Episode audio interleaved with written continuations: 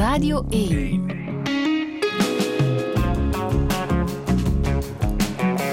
Touché. Met Friede Lesage. En met Charlie de Wulf, goedemorgen. Goedemorgen. Hoe gaat het? Um, op zich wel heel goed. Um, ik ben enkel een beetje verkouden, dus misschien ga ik straks een keer hoesten, waarvoor mijn verontschuldigingen. Maar... Dat is niet erg. um, op de website, uh, je hebt een website, hè, staat storyteller, consultant en connector. Ja. Dat zijn al drie bijzondere termen. Mag ik dat ook film- en tv-maker noemen, of gaat het voor jou verder dan dat? Voor mij is film- en tv-maker een beetje de wat ik doe en de why is eerder dan feit dat ik heel graag mensen wil connecteren en dat doen aan de hand van verhalen. Dus in die zin kan je het inderdaad zo zeggen. Ja, ben je inderdaad wel storyteller, consultant en uh, connector. Je bent op dit moment nog druk aan het monteren hè, aan jouw nieuwe reeks. Dus maand, sinds maandag is alles toe. Dus ik mag is het er, af? Ja, ik mag er niks meer aan veranderen. Liefdestips aan mezelf. Ja. Waar heel veel mensen naar uitkijken, ik denk ik. Het. Ik hoop het. Want je hebt um, ondertussen twee maanden geleden de Vintro-prijs gewonnen. Ja. Zowel van de jury als van het publiek dan zitten mensen echt wel te wachten op jouw werk natuurlijk. Hè? Zorgt dat voor extra druk? Ik ben vooral heel excited of zo. Omdat ja. het heeft zo lang kunnen... Um, ja, op, het is zo lang opgespaard geweest dat ik gewoon heel blij ben om het eindelijk te kunnen delen. Omdat zoveel heeft betekend voor mij, hoop ik dat ook gewoon zoveel kan betekenen voor mensen die het zien. Ja, Zo'n prijs, uh, daar hangt een budget aan van. Ja. Is het al opgesoupeerd? Wat was het? 10.000 en dan nog eens voor de publieksprijs uh, ja, nog dat, wat extra. Dat was, dat was super welkom, die prijs, omdat um, mijn beide ouders onlangs overleden zijn. En dat is helaas nogal duur, begrafenissen en de opvolging daarvan. Dus was ik vooral heel blij dat ik daardoor even ademruimte kreeg. Mm -hmm. Hoe zou jij jezelf omschrijven? Uh, als een kind in een volwassen wereld. Mm -hmm. Heel graag um, met een bepaalde verwondering blijf de dingen benaderen. En probeer dat ik wil dat voor altijd blijven doen, Ja. hoe oud ik ook word. Een kind met bijzondere voornaamwoorden. ja, mijn voornaamwoorden zijn die hun. Um, ik ben non-binair, dus dat betekent als ik wederom mijn sleutels bijvoorbeeld vergeet, want ik doe dat nogal veel, dan zeg je ja, Charlie heeft dienst sleutels vergeten of is hun boekentas vergeten. Want dat gebeurt nogal veel, helaas. Maar de meeste mensen moeten daar nog even over nadenken. Ja, Hè? ja, inderdaad. Maar ik heb daar absoluut geen probleem mee. Ja. Want missen is menselijk. Dus als je een fout maakt, ga ik er gewoon op wijzen. Maar ik bedacht me, ik kan moeilijk fouten maken als ik rechtstreeks met jou Ja. spreek. Hè? Inderdaad, dat Ja. is heel makkelijk. Als Ja. je over mij spreekt, is vaak moeilijker. Ja, ja. Ehm, ik mag ook zeggen dat je erg kleurrijk bent. ook vandaag trouwens. Ja. Draag je nu de drie primaire kleuren? Ja, altijd. Altijd rood, geel en blauw. Of, Of in één kleur? of in één kleur, ja. Ja. Omdat ik dat heel makkelijk vind. Dat ik in de winkel niet naar alle kleuren moet gaan kijken. En dan past alles sowieso samen. Ja. Dus Je hebt ook een bijzonder levensmotto, hè? Stap per stap. ja, vroeger was het eh, een nee heb je en een ja kan je krijgen. Maar ik merkte dat ik daardoor soms over mijn grenzen ging. Omdat ik altijd dacht van, ah, ik moet altijd achter alles streven. En nu doe ik gewoon stap per stap. En waar heb je dat geleerd? Eigenlijk gewoon een beetje het afgelopen jaar, door alles wat dat mij overkomen is, ehm, heb ik beseft dat lopen voordat ik kan gaan soms negatieve gevolgen heeft. Mhm. Dus Charlie de Wulf, welkom in Touché. dank u.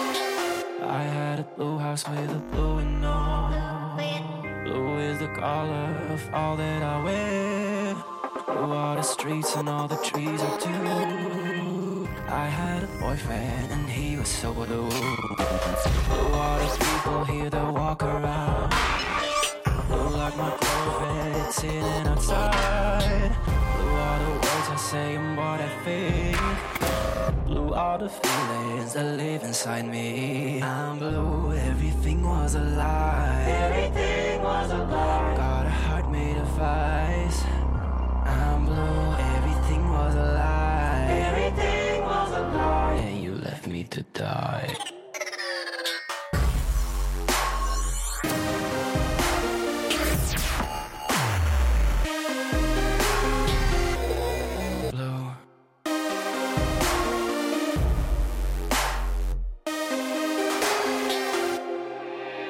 And now every I love you will be part of a backseat conversation. And you'll be buried in the trunk of my car. car. A seatbelt wrapped around my neck. And there's no one to pull the handbrake. Blue. We tilt at the edge and crash into oblivion. Until Promise Tree met Blue, Charlie de Wolf. Is het omwille van het nummer, Blue, daar zit al een kleur in, of Promise Tree? De reden waarom dat ik met hen samengewerkt heb, is omdat dan, ik heb hun eigenlijk twee jaar geleden of drie jaar geleden ontdekt in de knak, toen dat ze het nummertje I Don't Wanna Fall in Love hadden. En dat, ja, vereenzelvig, dat was echt wat dat de reeks voor mij moest zijn. De reeks liefdestips. Dus heb ik dan met hen contact opgenomen, twee jaar later, en zag ik dat ze het nummertje Blue hadden uitgebracht. Die ging over, voor hen over jongeren en mentale gezondheid, waar dat de reeks ook over gaat. Dus daarom wou ik heel graag dit Ja. nummertje spelen. Liefdestips aan mezelf. Het is gebaseerd op een eh, jeugdboek hè, van eh, Sylvia van Driessen. Ja, inderdaad. Hoe zijn jullie bij elkaar terechtgekomen? Had jij het boek gelezen of, of hoe is dat gegaan? Dat is eigenlijk via haar man Jelle de Bulle gegaan. Ik, was, ik zat op café in de Ventura in Gent en Jelle was daar ook toevallig. En die, ik was heel ehm, tegen hem aan het praten over jeugdcontent en hoe belangrijk dat ik dat vond. En hij zei, je moet echt een keer met mijn vrouw gaan praten, want zij vindt dat ook heel belangrijk en vindt ook dat er vaak te weinig aandacht naar gaat. En Mhm. dan heb ik eigenlijk haar boek, een deeltje van haar boek gelezen voordat ik met haar afsprak. En eh, dat, dat sprak mij toen heel hard aan. En dan heb ik direct gezegd, we moeten daar een webserie van maken. En En, en waarom sprak het jou aan? heeft nog iemand mij dat gevraagd deze week. En ik weet niet waarom, omdat het zo absurd is hoe hard dat, dat boek nu aansluit bij wat dat er het afgelopen jaar gebeurd is. Het lijkt bijna over jou te gaan. Ja, en terwijl dat drie jaar geleden dat dat nog niet het geval was, maar ik was wel ook al toen een beetje aan het struggelen met, mentale, met mijn eigen mentale gezondheid.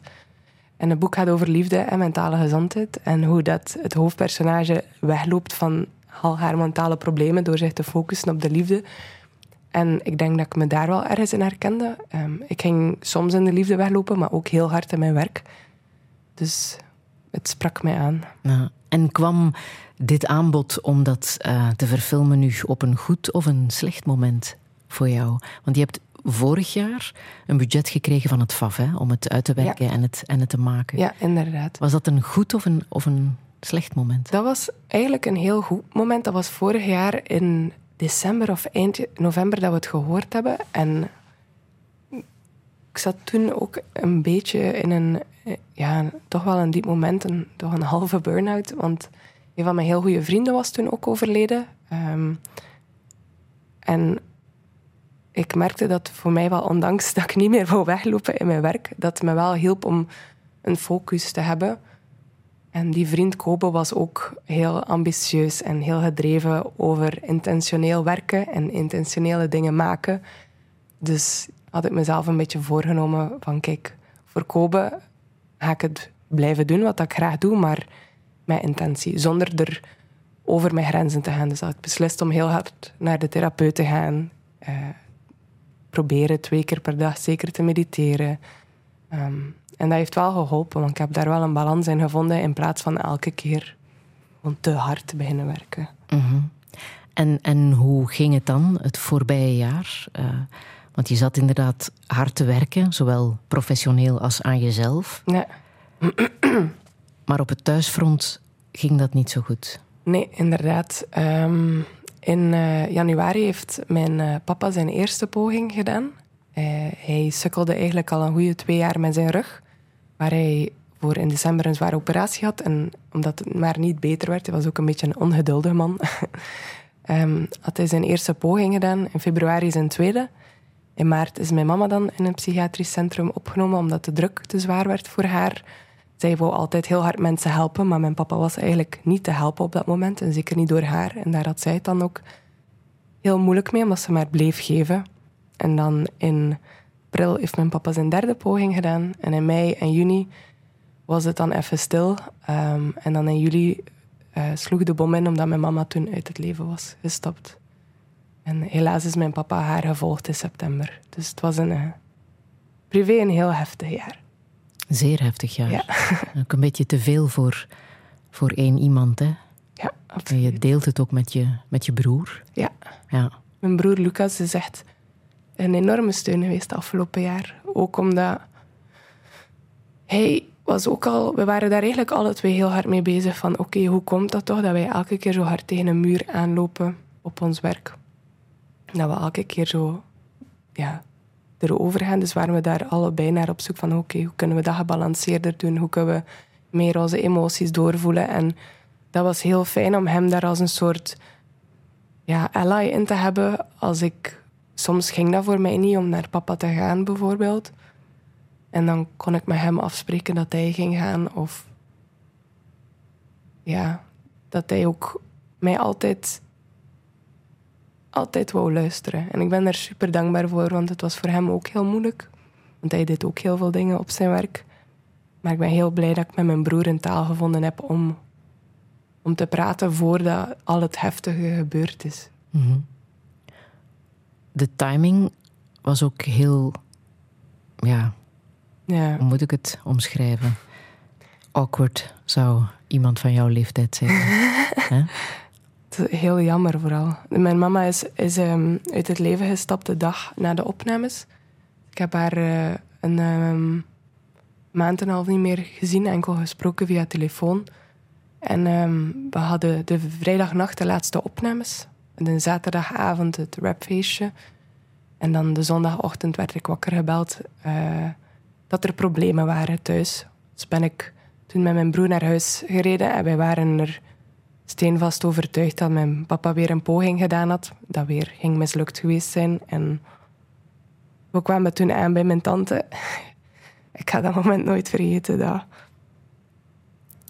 dat mijn onkel zei dat ze er niet meer was. Dat was heel moeilijk. Mm Want dat had je niet verwacht. Nee. Jullie waren gefocust op je papa. Ja, en mijn mama... Sorry. mijn mama was altijd degene die zei je vindt altijd een oplossing voor alles. Als je maar blijft ervoor gaan. En ik denk dat daarin mijn broer en ik zo'n beetje de grootste deuk gekregen hadden. Omdat dat, dat iets was dat wij heel hard van haar overgenomen hebben. Het feit dat, dat er altijd een oplossing is. Hoe donker het allemaal ook is, dat je altijd iets kon vinden. En ik heb zelf met suïcidale gedachten gestruggeld in, in drie jaar terug. En dat geloof heeft er mij uitgehaald omdat ik blijven zoeken ben naar tools. En dat brak mijn hart echt dat mijn mama dat niet gevonden heeft. En nog altijd. Nog altijd. En heb je daar voor jezelf een verklaring voor? Mm. Mama was altijd degene die iedereen anders heel hard wou helpen, behalve haarzelf. En ze heeft zich eerst heel hard gefocust op mijn broer en mij. En wij zijn een drie, viertal jaar geleden allebei uit huis vertrokken.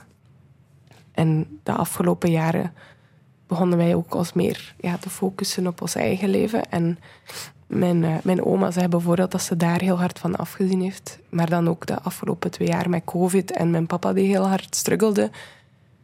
Ik denk gewoon dat haar vatje vol was. Dat ze niet meer... Ze haalde haar geluk uit mensen helpen.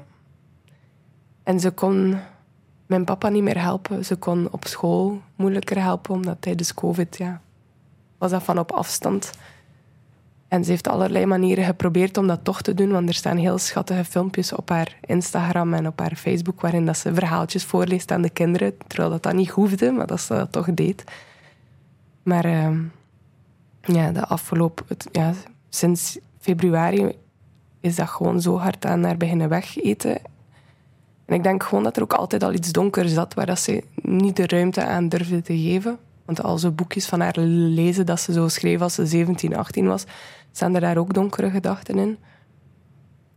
En ik, ja, ik vind dat super jammer. Ik denk dat dat iets generationeel is, als in, want wij praten er meer over. Ik praat heel veel met mijn vrienden van, ah, ik ben nu bijvoorbeeld EMDR-therapie aan het doen. Ik, mhm. ik maak tekeningen die, die mij heel hard helpen. Elke dag als iets soort, ja, om het gevoel dat in mij zit op, op papier te zetten. En soms zijn dat heel donkere tekeningen, soms zijn dat lichte. En dat helpt mij enorm, maar ik merk dat ik daardoor ook tools geef aan mijn vrienden en in omgekeerde richting ook. Um, de Bruin, met wie dat ik brak gemaakt heeft, zegt mij dat, zeg ook alles wat dat zij leert bij haar therapeut. En ik heb het gevoel dat die taal en die schaamte nog niet weg was tussen de vrienden van mijn, van mijn ouders. En dat is niemand zijn schuld, dat is, dat is iets generationeel. Maar ja, het is de serie die je op dat moment ook aan het maken was, heeft op een of andere manier, denk ik, ook wel geholpen, omdat het ook daarover gaat, over mentale gezondheid en hoe kunnen we communiceren met elkaar. Ja, absoluut. De boodschap die daarin wordt gegeven is: als je niet praat, dan kunnen we niet weten hoe je je voelt. Hè? Inderdaad. Hm. En ik hoop zo hard dat als er reeks uitkomt, dat mensen dat ter harte gaan nemen.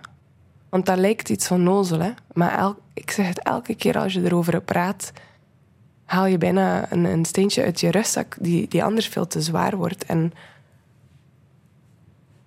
ik, geloof ook dat, dat, dat pillen tot op een bepaalde hoogte zeker helpen, want sommige mensen kunnen niet zonder antidepressiva of, of andere soort pillen, maar het is, een, een, het is alles die samenwerkt. En ik ben heel, heel blij dat ik die, dat ik die reeks had om mij daaraan te herinneren op een bepaalde manier. Want het is heel grappig, want in het begin dacht ik altijd... Nee, het, eigenlijk waar dat reeks over moet gaan, is dat mensen moeten luisteren naar elkaar. En Sylvia is diegene die mij daar altijd op is blijven wijzen van... Nee, het is, het is praten erover, blijven praten. En uiteindelijk gaat er iemand wel, wel luisteren. Het is een geweldige reeks die iedereen zou moeten zien hè, vanaf eind januari.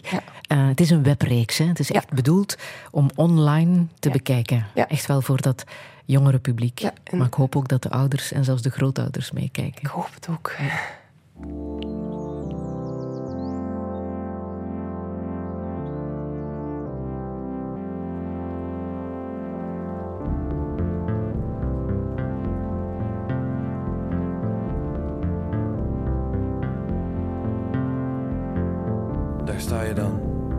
Van je pa. Na al die tijd van vluchten sta je stil en denk je na. Dit is nooit meer vla, nooit meer vla voor de tv. Nooit meer samen, nooit meer samen kijken naar DWDD. Nooit meer dansen in het huis en nooit meer klappen met een vuist. Wellicht was het niet juist, maar ik mis ons en ik mis thuis.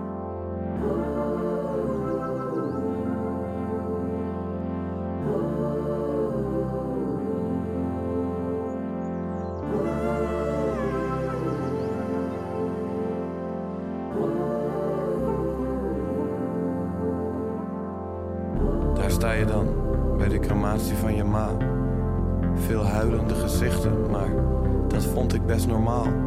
En ze was zo'n lieve vrouw. Nog zoveel dat ik zeggen wou. Van het spijt me en sorry, maar mijn hart die is nu koud. Voor jou bewaar ik mijn geduld in een kistje onder mijn bed. Maar wat is een pretpark? Een pretpark zonder pret. Florida 2009, daar, daar kwam ik mezelf tegen. Maar heb een steen verlegd in de rivier en dat ondanks alle regen.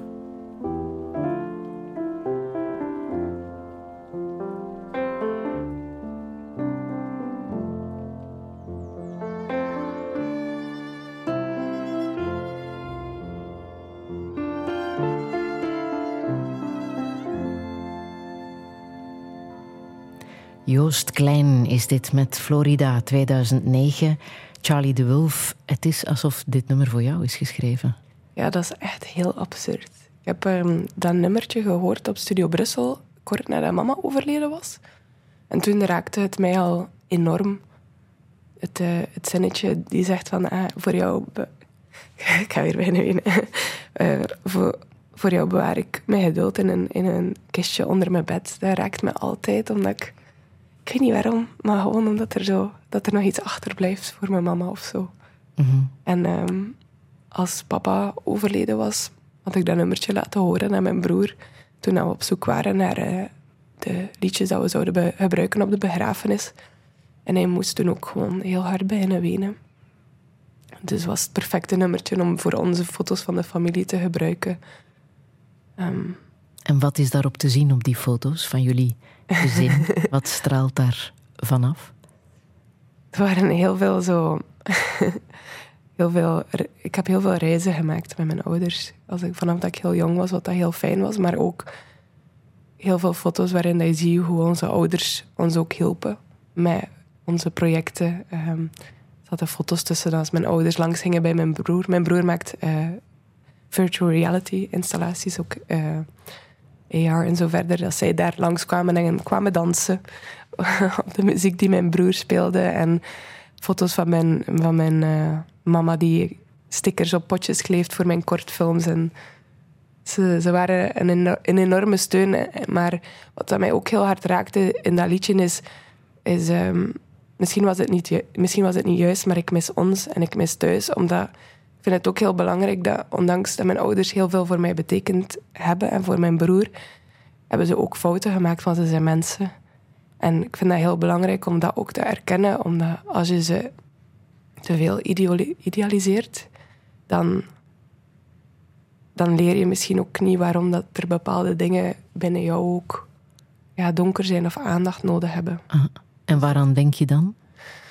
Ja, dat is zoals ik daarnet zei, mijn papa was bijvoorbeeld een ongeduldige man. Dus als wij jonger waren, kon hij daar soms moeilijk mee om. Dat als wij, dat wij een eigen mening hadden of, of dingen op onze manier wilden doen, ook al liepen we dan tegen de lamp.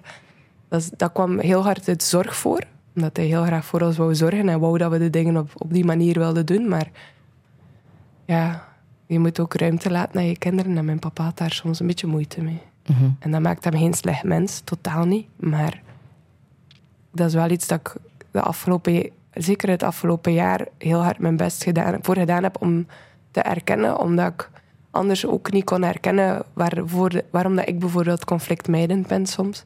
En nu dat ik dat een beetje allemaal, die puzzelstukjes aan elkaar kan linken, kan ik daar ook meer aan werken, wat ik wel belangrijk vind. Alles heeft een schaduwkant. Absoluut, ja. ja.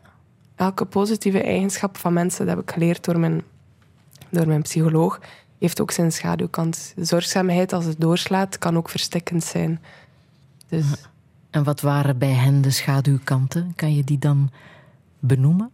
Bij mijn mama was dat heel hard die, die zorgzaamheid. Maar ik denk dat de schaduwkant veel meer effect had op haar dan op ons.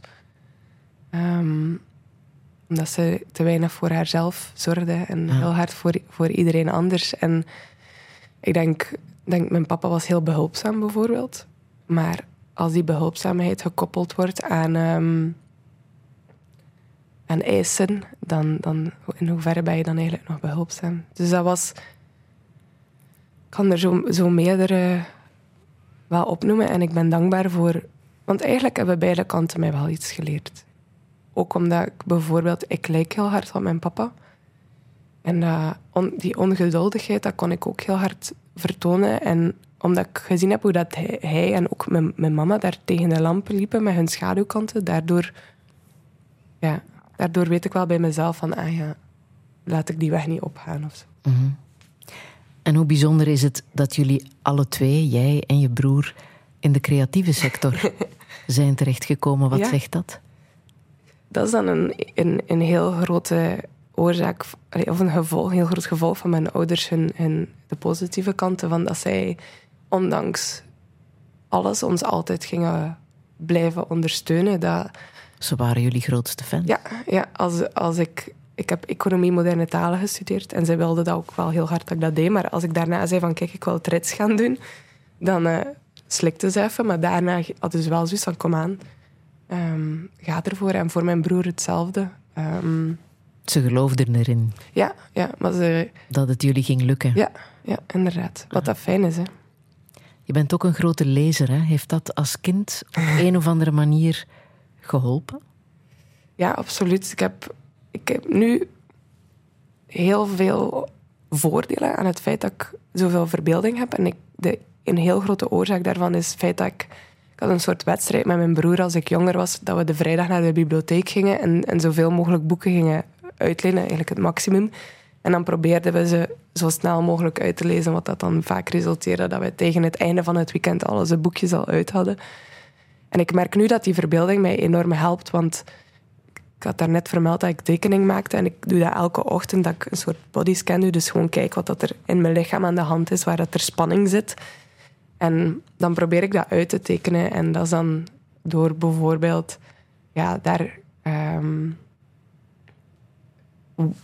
een boom die bijvoorbeeld uit mij groeit en zijn wortels heeft. En dat dat zorgt voor spanning bijvoorbeeld. En ik merk dat dat, dat helpt, omdat ik daardoor ook kan communiceren met andere mensen daarover. Als ik dan mijn tekening bijvoorbeeld toon aan iemand, aan mijn vrienden, en die zegt, amai, dat is heftig. Dan krijg ik ergens ook een bevestiging van, ah, wat ik meemaak is heftig. Want als dit perfect verbeeldt hoe ik mij voel, dan, dan kan dat niet ergens dat ik daar ook gewoon aandacht moet aan geven als iedereen zegt, amai, dat is heftig. Mhm. Hm. Je bent op dit moment ook het huis van je ouders aan het, aan het opruimen. Ja, inderdaad. Hoe is dat? Ehm, dat is een heel vreemde manier van Sinterklaas en kerst, kerstman te samen. Want ik, gisteren ben ik het voor de tweede keer een beetje gaan leeghalen. En de eerste keer zag ik er heel hard tegenop, omdat ik dacht, oh, dat gaat zo beladen zijn.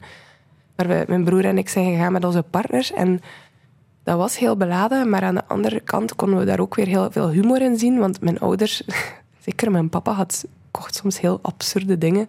Dus als we dat dan opendeden, konden we daarmee lachen. Of als we een, fotoboek vonden, dan konden we daar even bij stilstaan. Dus ben wel blij dat we er onze tijd voor nemen, omdat het ook wel helend is op een bepaalde manier. En het is zwaar natuurlijk, maar ja, Het zijn warme herinneringen. ja, en ik vind, vind humor heel belangrijk. En kunnen, allee, mijn broer en ik kunnen daar wel met donkere humor wel altijd een draai aan geven of zo. Ja, dat helpt. Ja. Ja.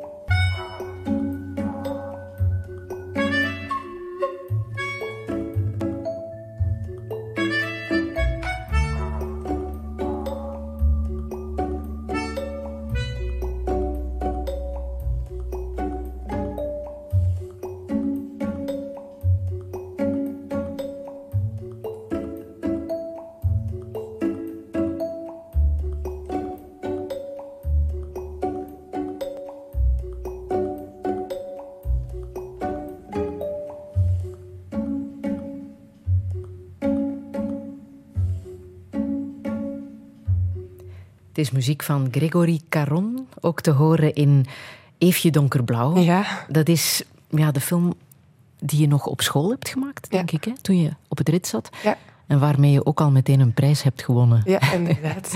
Ja. En er zit ook alweer een kleur in natuurlijk. Eefje donkerblauw. Daar is het eigenlijk begonnen. Waardoor waar? ik rood, geel en blauw be- ben beginnen dragen. Want ik droeg al sowieso geen, geen zwart en, en wit toen ik in het middelbaar zat. Maar ik moest voor Eefje donkerblauw, waar, waarbij Eefje in een helemaal donkerblauw huis woont en verliefd wordt op koning Goudgeel, die alleen maar geel aan heeft, moest ik een heel jaar op zoek gaan naar blauw decor en blauwe kleren en gele kleren. En Eefje had een primair kleurenkastje waar ook rode voorwerpjes in zaten. Dus dan is dat eigenlijk een beetje begonnen door die film dat ik paars en, en eh, oranje en groen eigenlijk niet meer, niet meer droeg. En wat trok je daar dan zo in aan? De helderheid, denk ik, of zo. Omdat ik... ehm, ik vind kleur heel fijn, omdat ik merk dat als ik op straat loop of als ik mensen ontmoet, dat, eh, ze, dat mensen daar vrolijk van worden. En dat ik altijd heel leuke interacties heb daardoor. Maar ik word daar in eerste instantie zelf ook gewoon vrolijk van. Het lijkt mij ook iets waar kinderen meer mee bezig zijn dan volwassenen. Klopt dat? Dat kan, ja. Ik, ehm, Wat volwassenen kwijtgespeeld zijn ja, misschien. inderdaad. Het En ik, belang van kleur in hun leven. Ja, want ik merk er een heel groot verschil ook als ik dan bijvoorbeeld volwassenen eerder een argwaan hebben als ze mij zien lopen. Zo, of gaan positief reageren, maar het is altijd een van die twee. Terwijl kinderen kijken echt altijd naar mij met zo heel grote ogen. Van, zeker nu dat ik ook blauw haar heb. Allee, Ja. één kant blauw haar. Ja, maar eh, ja, Eefje is voor mij een beetje de, de start geweest van, van mijn carrière of zo. Omdat ik daar... ehm, ik heb daar van eh, Lou Bergman de prijs voor beste cinematografie voor gekregen. Allee, niet ik, maar de, de DOP natuurlijk. Mhm. Ehm, en dat heeft gezorgd dat ik bij de Unie van de Regisseurs kon gaan, waar dat je vroeger nog een prijs voor moest gewonnen hebben of iets gedaan hebben. En ehm, dat heeft heel veel deuren voor mij geopend. En het was ook de film die gezorgd heeft dat ik mijn stem gevonden heb in wat ik wou maken. Omdat ik daarvoor nog heel hard aan het zoeken was van wil ik nu drama maken, wil ik nu horror maken, wil ik iets spannend maken. En ik denk dat ik dat nog allemaal kan maken, maar dat ik wel heel hard vond van oké, ik wil werelden creëren. Werelden waarin mensen zich kunnen verliezen en waarin dat emoties hun in die werelden trekken. En Maar je wou toch ook vooral een maker zijn voor de jeugd, voor Ja. jongeren. ja, dan, Mensen die zoekende zijn ja, wat ze met hun leven moeten aanvangen. ja, inderdaad. Omdat daar een zwart gat zat voor jou? Ja, ik, ik, ik denk dat het een beetje samen is beginnen lopen, omdat Eefje Donkerblauw was mijn favoriete kinderboekje. Van Geert de Kokkeren, hè? Ja, van Geert de Kokkeren. Heel, heel goede schrijver. En ik was daarop gebotst in de zomer en toen ben ik, ben ik het beginnen maken. En dan ben ik zo wat... Ja, bijna gestruikeld in, ah, ik maak dingen voor jongeren. En dan dacht ik, ah, ik maak enkel dingen voor jonge kinderen. Maar nu heb ik ehm liefdestips gemaakt, wat dat voor 17, 18-jarigen was. Brak, wat ik met Joke de Bruin gemaakt heb, was voor ehm, ja, 18 tot 25. Dus ik denk dat ik niet per se bij jongeren ga blijven, maar dat, wat dat er wel sowieso gaat blijven, is dat ik... Ik wil iets empathisch vertellen en iets vertellen waar, waardoor dat mensen in een bepaalde wereld kunnen stappen. En misschien spreek ik daar wel altijd het innerlijk kind van iedereen aan, ondanks welke leeftijd. Maar ik ja, probeer me niet meer zo vast te pinnen op iets, omdat ik de afgelopen jaren zorgde dat ik dat mij ook soms heel hard beperkte. Je hebt ondertussen iemand ontmoet, Ja. Lise Lefebvre, Ja. die voor jou ontzettend belangrijk is. Hè? Dat is jouw producent. ja, dat is mijn producent en een van mijn beste vrienden. Ja. Maar ze is veel meer dan dat. Kan je, kan je uitleggen hoe bijzonder die ontmoeting is voor jou? Ik heb Lise een, een, een vijf, zes jaar geleden ontmoet en die zag iets in mij. Wat ik toen eigenlijk nog niet echt in mezelf zag. En zij geloofde in mij en ze heeft vooral heel veel tijd in mij gestoken om mij te helpen, om mijn verhalen te vertellen. En op het moment dat ik het hardst aan het struggelen was, toen dat ik mijn coming out... hoe- nee, Dat ik eigenlijk wist ik nog niet wat dat er aan de hand was. Ik voelde gewoon van, er klopt iets niet. En ik ben zielsongelukkig en ik weet niet waarom. En ik voel dat, dat, mannelijke en dat vrouwelijke, dat ik, kan dat bijna niet uitleggen hoe dat, dat voelt. Ik kwam s'nachts wakker en in, met angst, zweet. En dat was echt verschrikkelijk. En Lise was degene die toen zei van... Misschien moet je nog een keer je script van jouw film herlezen. En in het script van mijn film zat er een non-binair personage.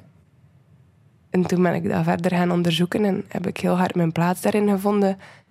En dat is een van de vele voorbeelden van wat Alice al voor mij gedaan heeft. Ook als mijn ouders, als mijn mama over, overleden was, heeft, is zij degene die met een andere vriend, Henry, iedereen heeft opgebeld van mijn vrienden om te zeggen van ja, kijk, dit is gebeurd en dit is een manier dat we Charlie kunnen ondersteunen. Bij papa zat ik in de montage en kreeg ik begin van de dag een bericht van hem dat hij zei dat hij dacht aan suïcide. En hij, zij is heel de dag gebleven achter in een zeteltje zo blijven zitten terwijl wij aan het monteren waren, omdat ze voelde dat ze er iets was. Iets was. En ik hoop dat ik dat ook ooit voor, voor haar kan betekenen. Om, dat zij is net mama geworden en dat is ook heel zwaar. En ik hoop dat ik haar ooit kan helpen op de manier dat mhm. zij mij zo hard geholpen heeft. Want zij heeft mij het licht doen zien op momenten dat het voor mij heel donker was. En het is een heel belangrijke factor geweest voor mij ook in niet met die donkere gedachten verder te gaan. Mhm. Maar je dacht ook toen je je coming out had gedaan, ja. als non-binair, dat je niet meer aan de bak zou komen. Nee. Waarom dacht je dat? Ik denk, ik ben vroeger als ik jong was heel zwaar gepest geweest, waardoor ik een soort angst ontwikkeld heb van als ik anders ben, gaan mensen van mij weglopen. En ik denk dat dat zich doorgetrokken heeft naar mijn volwassen leven. Van oei, ik ben nu heel anders. ben Waarom werd je gepest? Ik wou dat ik daar een sluitend antwoord op kan geven, maar ik weet het eigenlijk nog niet. Ik weet dat mijn, een van mijn pesters hun, ouder was aan het, hun ouders waren aan het scheiden en mijn mama gaf les op de school. Dus misschien was dat een trigger voor hen. Ik was ook ja, veel aan het lezen. Ik zag, ik had vlechtjes en een bril. En ik weet niet, ik weet echt niet waarom. En dat is de, denk ik het moeilijkste daaraan, is dat je niet weet waarom dat je gepest wordt. Waardoor dat je zelf dat allemaal begint te invullen, ook als je ouder bent. Van, oei, wat, zou nu hetgene kunnen zijn dat mensen niet graag aan mij hebben? Datgene waarvoor dat ze mij vroeger zo zwaar pesten. En um, ja, ik denk dat daarin ook die angst kwam van van als ik dan mijn, mijn coming out deed, dat ik geen steun meer ging krijgen, dat ik mensen niet meer met mij gingen willen spreken. En dat klinkt heel absurd. Hè, ja. Maar ja, er zijn ook wel heel veel voorbeelden dat we op het nieuws zien. En dat we, allez, als ik opgroeide in de media, waren LGBTQ-personages waren ja, de, vaak de zijpersonages. En als ze verliefd werden, gingen ze vaak dan dood, net voordat ze een relatie kregen. Dus ik weet niet, dat ze er misschien zo hard ingepeperd dat, dat, dat je ongelukkig wordt als je LGBTQ bent, waardoor ik zo bang was om daaraan toe te geven. Maar... Terwijl ze jou nu wel weten te vinden. als er zo'n verhaal moet verteld worden. en zeker, zeker voor jongeren. Je hebt te veel werk op dit moment. De projecten komen naar jou toe gevlogen. Maar dat betekent ook dat ze moeten verteld worden, hè? die ja, verhalen. Absoluut. Ja, en dat is ook echt wat jij wil. Op welke manier wil jij die LGBTQ plus verhalen verteld krijgen?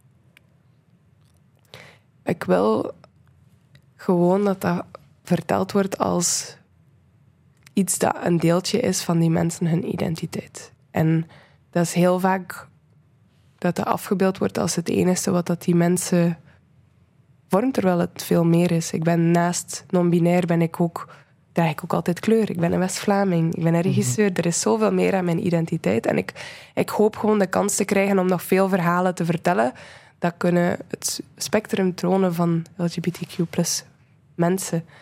Um, en, en, en, dat het ook meer genormaliseerd wordt. Ja. Dat het geen onderwerp is in het verhaal. Ja, omdat iemand non-binair is. Ja, inderdaad. En ik heb daarbij bij Liefdestips heel hard aan getwijfeld. Aan dat dat thema komt daar ook aan bod, trans-thema. Van op welke manier brengen we dat in beeld? Maar we hebben dan toch beslist om, om de op de weg van die persoon te tonen vanaf het, het struggelen.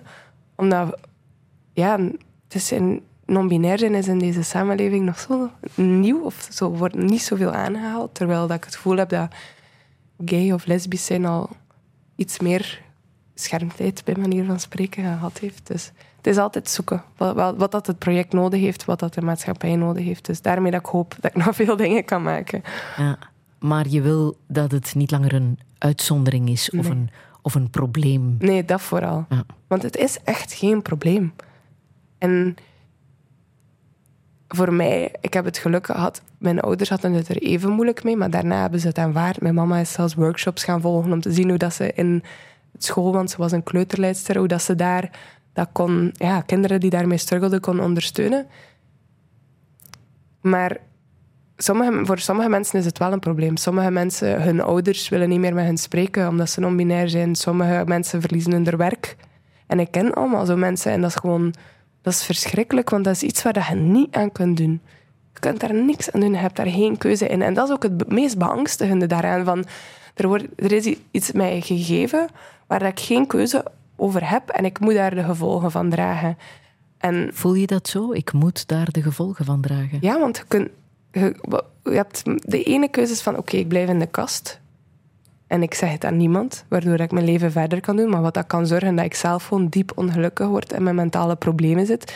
Wat dat bij mij heel hard aan het spelen was. Daarom dat ik ook gekozen heb om mijn coming-out te doen. Omdat ik merkte van, ik oftewel zwijg ik en kan ik gewoon mijn job niet meer doen. Omdat ik, dat ik gewoon mentaal... Allee, ik was echt depressief. En gewoon omdat ik niet kon zijn wie dat ik ben. En oftewel doe je coming-out, maar ik ken bijvoorbeeld iemand die leerkracht godsdienst was en die, ja, die mocht niet, geen les meer geven. Dat werd ferm afgeraden, ook door de manier dat hij zich kleedde. En waar je denkt van, ja, maar allee, waarom?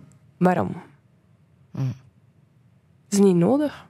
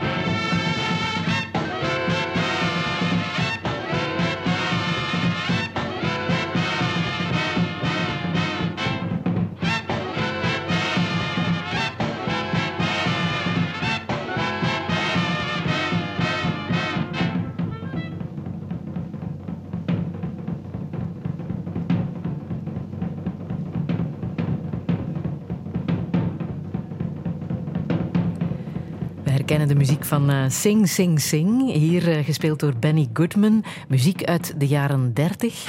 Charlie de Wulf, ik vind wel dat je opvallend stil hebt gezeten.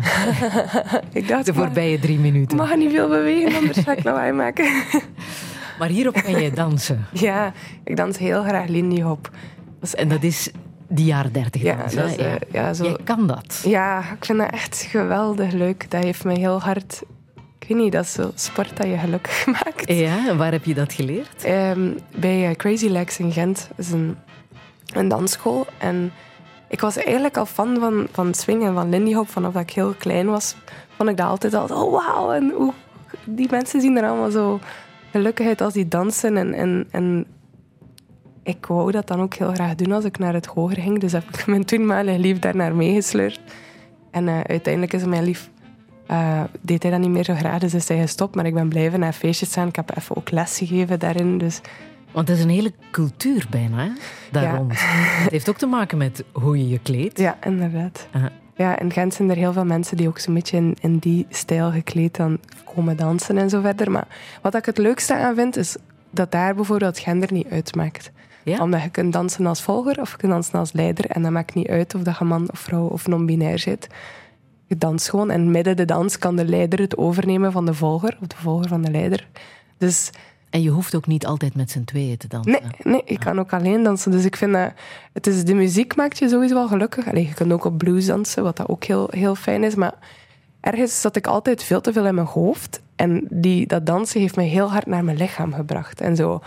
Je moet voelen bij je leider van... Oké, naar waar gaat hij bewegen? Waar beweegt hij niet naar? En dat was dat is iets dat mij nog altijd heel hard helpt, omdat ik heel vaak wel in mijn hoofd blijf zitten. Mhm. En helpt het jou ook om ja, met je lichaam om te gaan? Als je danst, ja, moet je echt alles bewegen natuurlijk. Ja. Hè? ja, ik heb ehm, heel veel energie. Dus ben ik altijd blij als ik mag gaan, gaan dansen. En het heeft ook gezorgd dat ik mijn lichaam ook liever ben beginnen zien en zo. Omdat, mm ja, dat ik vroeger daar misschien een beetje een moeilijkere relatie mee had. Terwijl dat ook in Lindy Hop, het maakt niet uit welk figuur je hebt, of hoe groot of hoe klein of hoe whatever dat je bent. Als je danst en als je je volledig hart daarin legt, dan maakt dat niet uit. Ook het niveau waarop dat je danst maakt niet uit. Het is gewoon mhm. plezier. Ja. Je hebt het ook al verwerkt in een van jouw ja. films, hè? Ja, inderdaad. Ehm, in uh, Adam en Eva heb ik het verwerkt, maar er zit nu ook blues in, uh, Louise en Lindy Hop in uh, Liefdestips aan mezelf. Daar wordt ook gedanst? Ja, daar wordt ook gedanst. Oké. Ehm, je laat je natuurlijk als filmmaker uh, inspireren door de films die je zelf hebt uh, ja. gezien. Maar heb jij veel voorbeeldfilms gehad van wat jij nu probeert te vertellen aan de wereld? Ha. Heb jij die zelf ook gezien? Een beetje een, een mix van allerlei makers dat, dat mij wel enorm geïnspireerd hebben. En dan om Belgisch is Jaco van Dormaal een heel groot voorbeeld, omdat hij ja, magisch realistische dingen maakt. Wat dat ik Mhm. echt geweldig vind, omdat je wordt nog altijd meegenomen naar een wereld dat je niet kent. Maar heel emotioneel, bijvoorbeeld Mr. Nobody heeft hij gemaakt. Wat dat echt een geweldige film is, omdat het gaat over de moe- je kunt geen, de moeite hebben om een keuze te maken. Het hoofdpersonage doorleeft dan al de mogelijke keuzes. Om dan ehm, uiteindelijk proberen een beslissing te maken. Dus het is heel absurd, maar ook heel menselijk.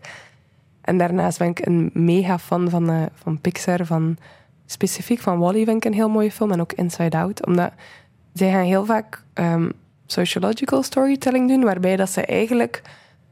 Dat er niet één persoon de slechterik is. Er is niet één zwarte appel. Omdat je daarmee naar mijn gevoel, aan kinderen een beetje meegeeft van ah, als je één zwarte appel verwijdert, dan loopt alles goed. Maar wat, waarin je dat dan een beetje negeert, is het systeem waarin dat wij bestaan. En wij bestaan binnen een maatschappij. En in Wally duiden ze dat heel mooi aan, want slechterik is letterlijk het systeem. En Mhm. Dat is ook Out- een beetje zo zoals in eh, Get Out, Ja. een film die je suggereerde Ja. eh, aan mij. Een horrorfilm van eh, Jordan Peele uit 2017 kreeg de Oscar voor het beste originele script. Heftige film. Ook. Ja, mooie Ja, film. En beantwoordt dat daar ook aan? Want het gaat over een, een zwarte jongen. Hè? Ja, inderdaad. En ik, wat ik aan Get Out heel mooi vond, en omdat dat er gewoon in slaagt in, in film, om te doen wat dat film doet, is je hetzelfde laten voelen als een hoofdpersonage. En is een beetje een spoiler, dus als je Get Out nog niet gezien hebt, ga ik nu even een spoiler meegeven. Maar op het einde van de film, ja, je maakt heel die film mee met die, met die jongen en hij denkt,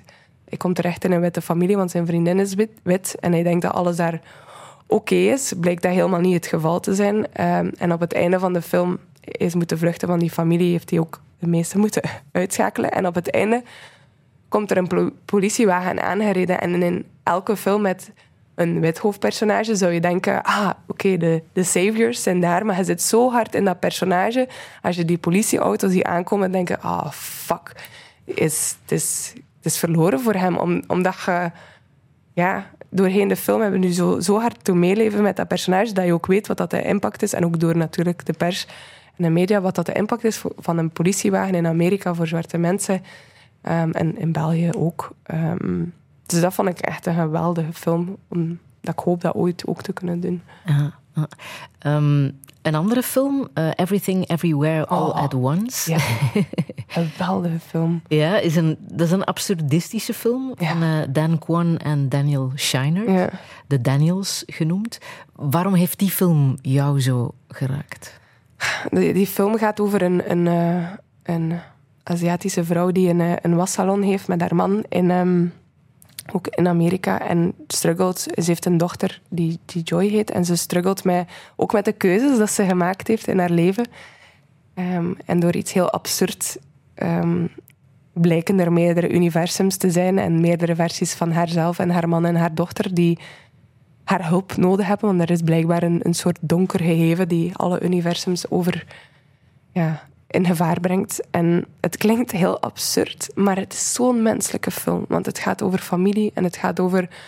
Een ja, moeder-dochterrelatie. moeder-dochterrelatie. En de dochter struggelt met depressie en met, met, met, met cynische, heel cynische gedachten. En die film wat, toont hoe dat dat die moeder en dochter dichter naar elkaar kunnen groeien zonder dat een van de twee hun gedachtegoed achterlaat. Want die dochter blijft struggelen met haar donkere gedachten en die moeder erkent dat, maar gaat nog altijd ook op dezelfde manier blijven handelen. En dat klinkt misschien raar, maar de moeder zegt bijvoorbeeld heel de film door van ah ja, je zit, je te dik, je moet sporten en weet ik veel wat. En op het einde troost haar dochter heel hard, maar dan gaat ze dan nog altijd daarna nog zeggen van kijk, maar ik geloof wel nog altijd in dit en we gaan moeten onze moeite doen om naar elkaar toe te groeien. En je ziet dat dan stap voor stap gebeuren, maar het feit dat dat in zo'n absurde actiefilm gebeurt, is dat, ik vind dat geweldig. Dat is een beetje zoals Phoebe Waller-Bridge doet dat, doet dat ook.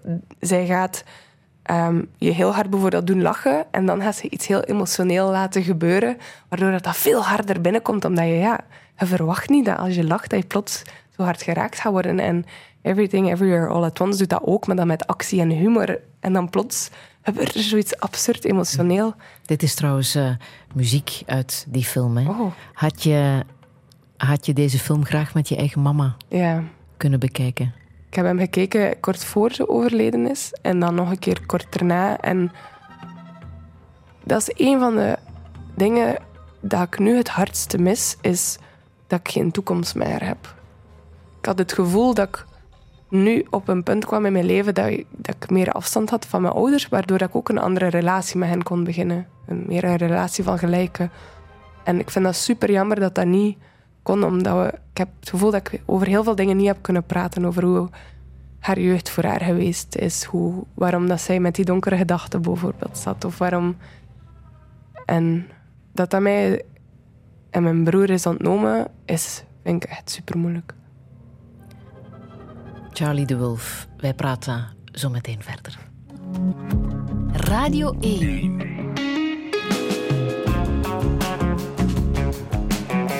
Douche. Met Friede Lesage. En met filmmaker Charlie de Wolf. Als jonge filmmaker van Brak en Liefdestips aan mezelf won die zowel de jury als de publieksprijs van Fintro. Ik zeg die, want Charlie is non-binair. Al is dat maar een deel van hun DNA. Die is ook zot van Lindy Hopdansen en kleurrijke kledij. Charlie wil als regisseur het universum van jongeren zo getrouw mogelijk weergeven met aandacht voor mentale gezondheid. Charlie verloor het voorbije jaar hun beide ouders aan zelfdoding.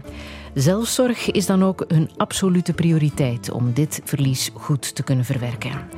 Maar hoe moet het verder? Dit is Touché met Charlie de Wulf. Een zeer goede middag.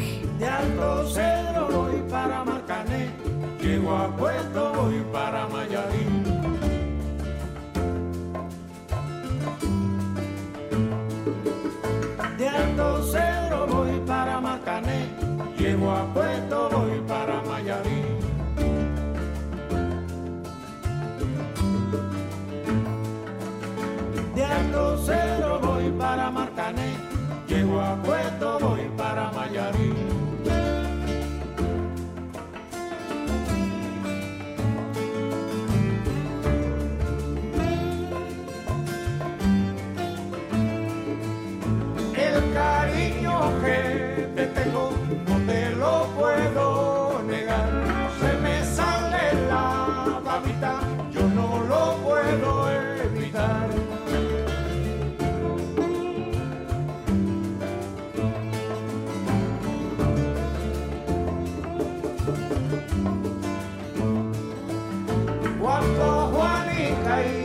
En el mar servían arena, como sacudí el jibe, a Chan Chan le daba pena.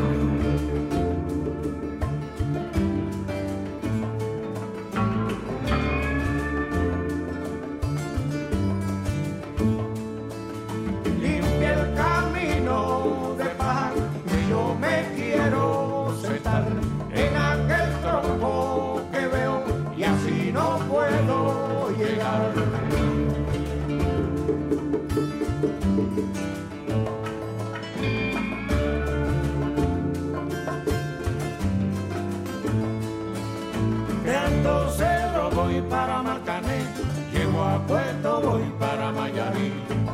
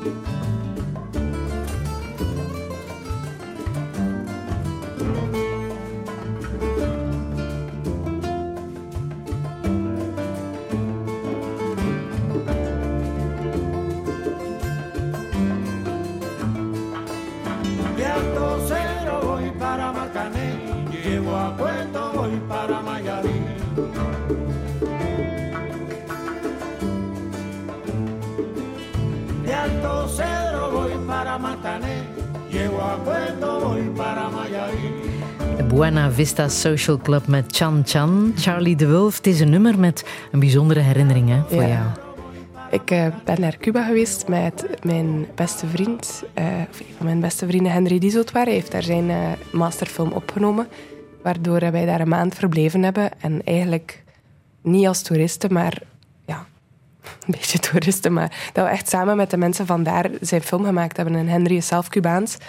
Dus dat was echt een wonderlijke ervaring, want ik was nog nooit ja, naar, buiten Europa naar een niet-westerse cultuur gegaan. En dat was heel fijn. En wat was daar zo fijn aan voor jou? De, ze hadden daar, toen ik ging, wa- was er nog heel weinig reclame. Waardoor dat ik het gevoel had dat mensen straalden echt zo zelfzekerheid uit. Iedereen, onafhankelijk van welk lichaamstype dat ze hadden, was precies zelfzeker. En misschien zat dat in mijn hoofd, maar dat was echt op, bij onze crew en de cast en de mama's van de, en, en papa's van de, van de, van de castleden. Die waren daar, die waren zo, die hadden zo een soort ehm, aanvaarding met hun lichaam en, en, en hoe dat, dat eruit zag. En ik was toen heel hard aan het struggelen met, met mijn lichaam. En ik merkte dat... Ik had, er was een andere vriendin mee, Chersi, die heel klein en, en tenger is. En als wij uitgingen in Gent, viel zij heel vaak in de smaak bij, bij de hipsters van Gent. En ik ben iets... Ik heb iets rondere vormen. En als wij in Cuba waren, was dat omgedraaid. Toen ik... Als wij uitgingen, niemand achter haar en kreeg ik plots heel veel aandacht. En het was niet omdat ik plots aandacht kreeg, het was vooral het besef van... Ah, maar dat is gewoon... Overal is het schoonheidsideaal anders.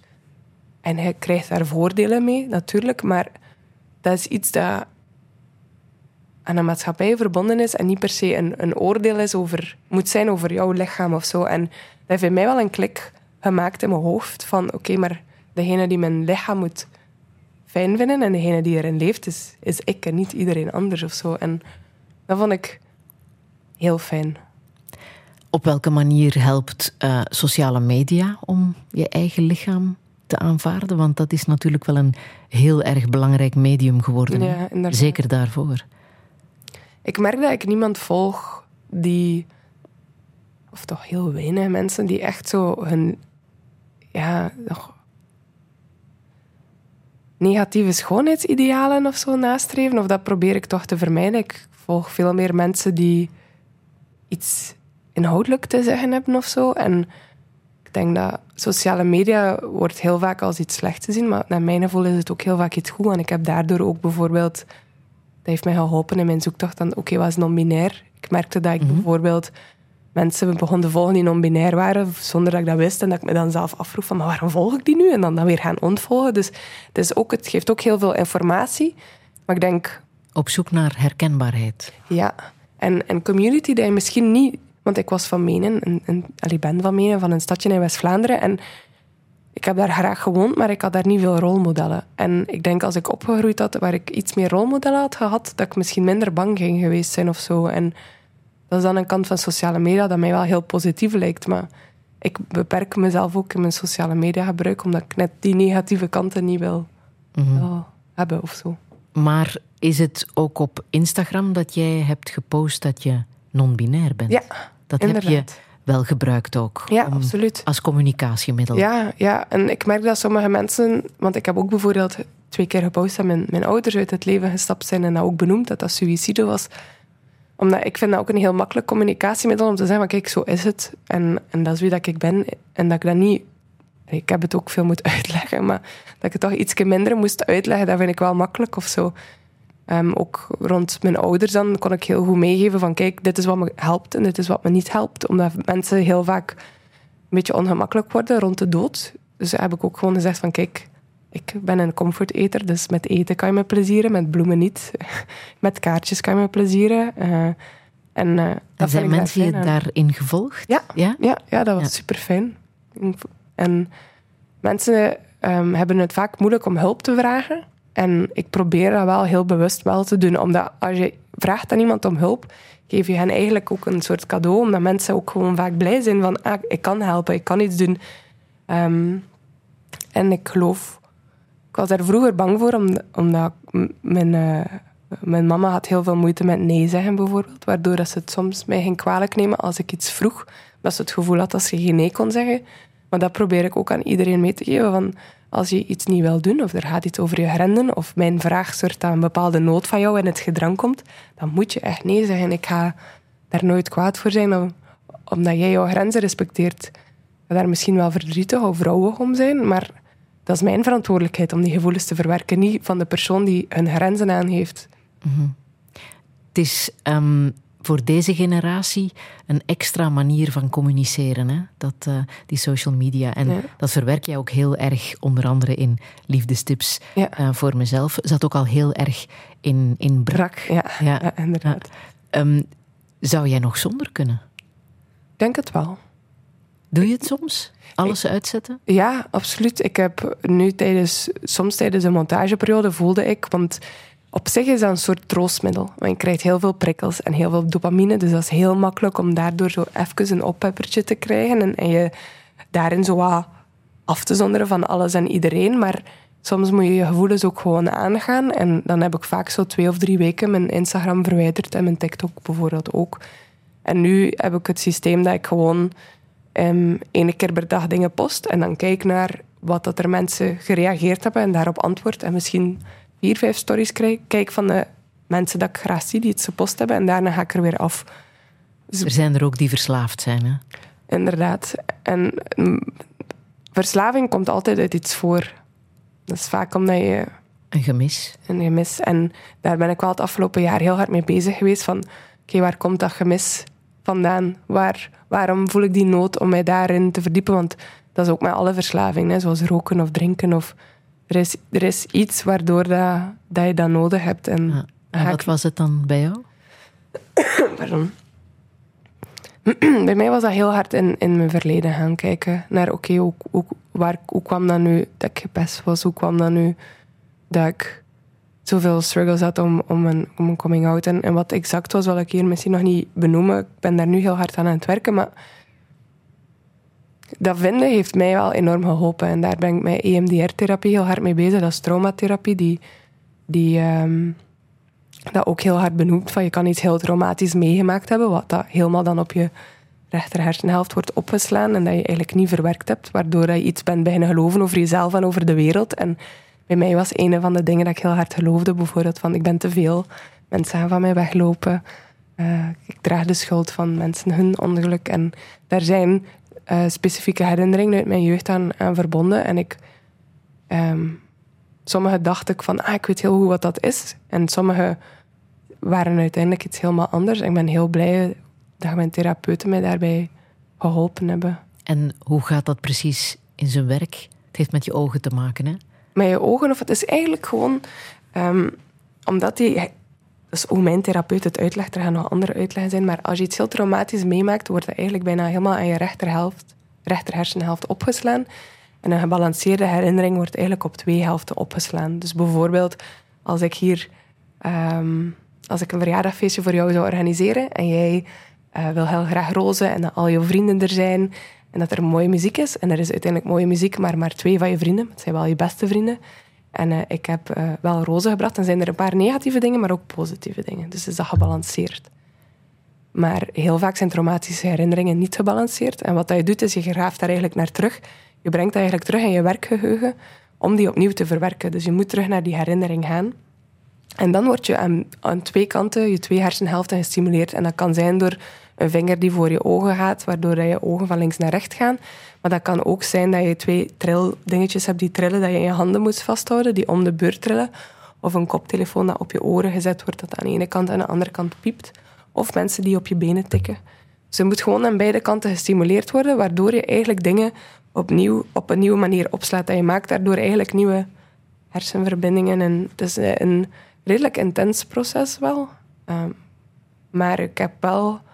Ik heb heel lang praattherapie gedaan, wat dat mij enorm geholpen heeft in mijn dagdagelijks leven. Maar ik merk wel dat die EMDR heel diep graaft, waardoor ik bepaalde automatismen gewoon aan het afleren ben. Als, in van, als ik voel dat iemand over mijn grens gaat, dat ik heel snel ga zeggen nee. En dat volg je nog altijd. Ja, elke Ja. week nu. Ja. Ja.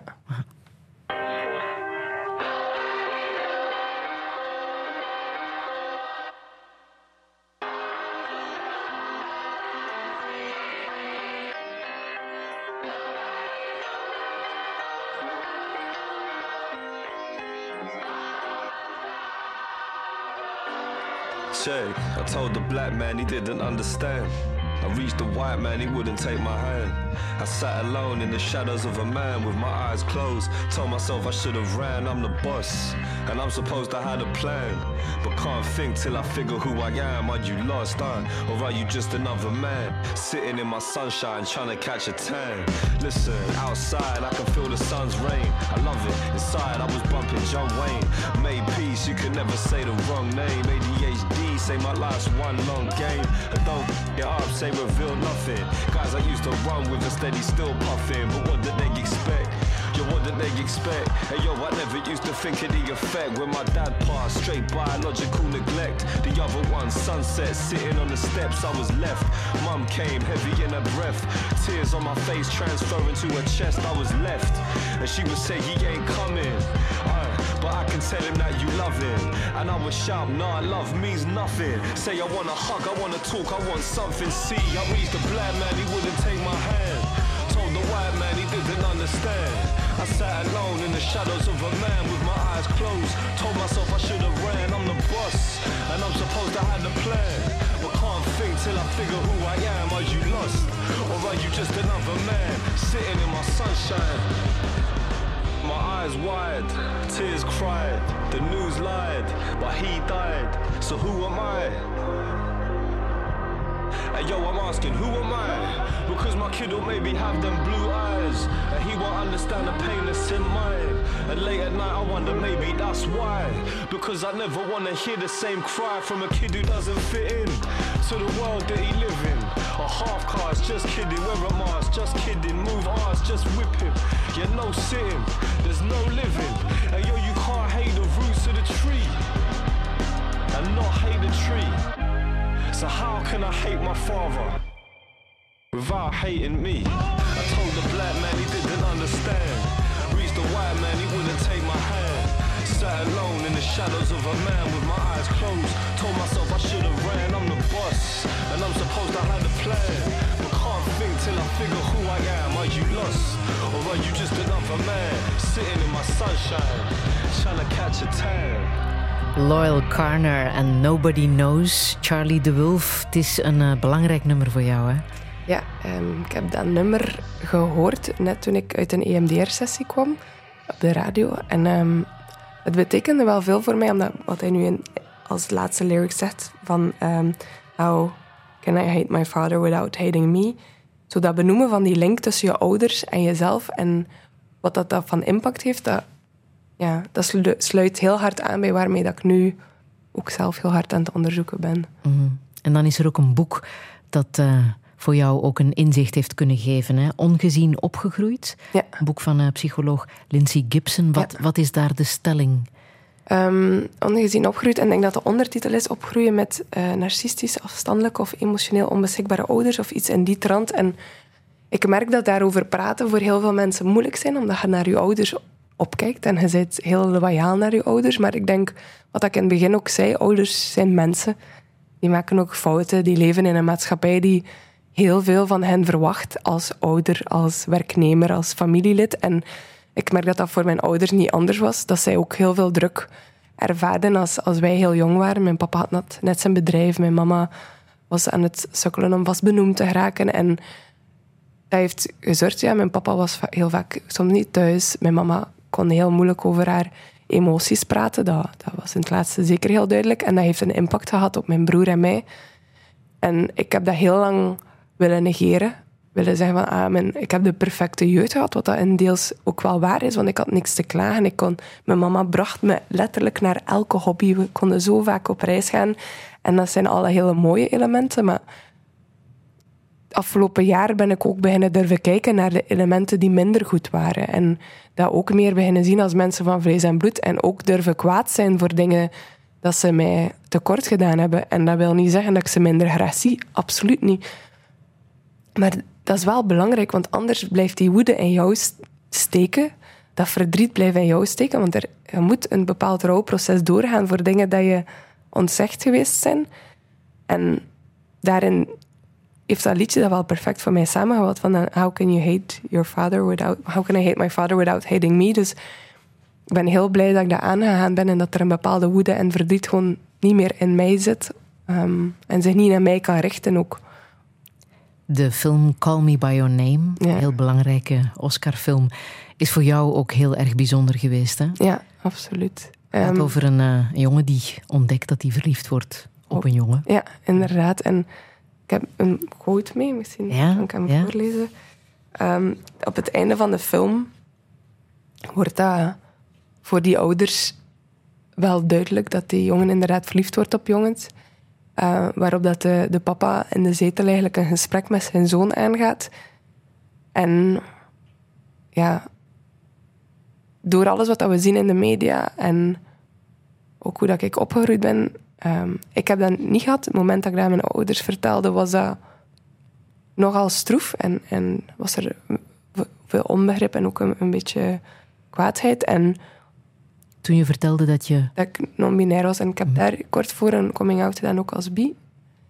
En um, nu zeg ik gewoon panseksueel, omdat gender me niks kan uitmaken. Maar het punt is gewoon dat dat voor mijn ouders niet makkelijk was. En dat voor hen vooral de blik op de anderen. Als in, want ze waren heel bang wat de andere mensen gingen denken. Omdat mijn mama bijvoorbeeld zei, ja, maar dat heeft niet enkel een impact op jou, dat heeft ook een impact op mij als je dat zo publiek maakt.